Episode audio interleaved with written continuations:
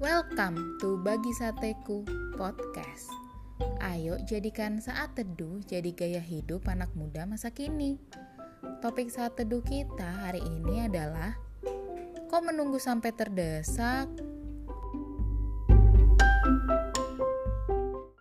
Sahabat sateku, ayo kita buka Alkitab kita di 2 Tawarik 33 ayat 12 yang berbunyi Dalam keadaan yang terdesak ini, ia berusaha melunakkan hati Tuhan Allahnya. Ia sangat merendahkan diri di hadapan Allah nenek moyangnya. Pasti banyak di antara kita yang baru ingat Tuhan pas lagi sulit, pas lagi sakit keras, lagi nggak dapat dapat kerjaan, lagi mentok nggak ada uang, nggak ketemu-ketemu sama jodoh, atau ya pergumulan-pergumulan berat lainnya. Nah, biasanya kita mulai tuh berdoa dan coba nawar-nawar deh ke Tuhan. Tuhan, kalau Tuhan sembuhkan sakitku, aku janji dia akan melayani Tuhan. Melalui doa itu, kita berusaha membujuk Allah dengan mengobrol janji akan melayaninya agar kita dilepaskan dari segala beban dan permasalahan hidup yang lagi kita hadapi. Hayo, siapa yang kayak gitu? Coba deh cek ke diri masing-masing. Kira-kira aku begitu nggak ya? Dalam ayat sate kita hari ini, Manasye adalah raja Yehuda yang jahat di hadapan Tuhan. Ia menyembah berhala dan mendirikan bukit pengorbanan.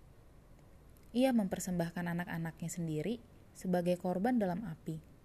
Ia pun melakukan sihir, ramal, bahkan sampai memanggil roh orang mati. Allah pun menghukumnya. Asyur menyerang dan mengalahkan Yehuda. Manasye ditangkap dan ditawan ke Babel. Di dalam keadaan terdesak ini, Manasye ingat akan Tuhan dan merendahkan diri dalam penyesalan. Ia berharap Tuhan mau menolong dan menyelamatkan dirinya dan bangsa Yehuda dari Babel.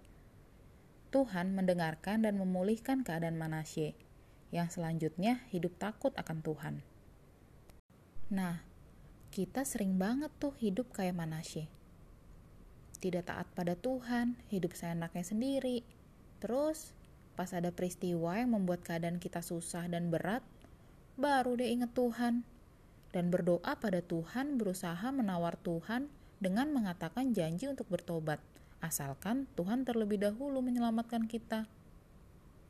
Pertanyaannya, kenapa sih kita harus mengalami keadaan yang tidak menyenangkan dulu, baru mau bertobat? Harusnya, ketika kita menyadari perbuatan kita itu salah di hadapan Allah, ya harusnya kita langsung bertobat saat itu juga.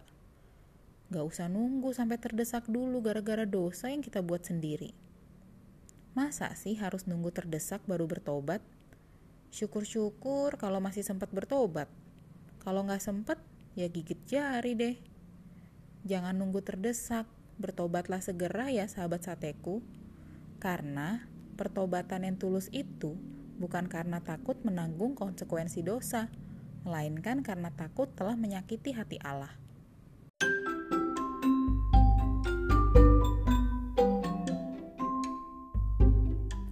Oke deh sahabat sateku, tetap semangat ya saat teduh setiap harinya. Sampai jumpa di saat teduh saat teduh berikutnya. God bless you.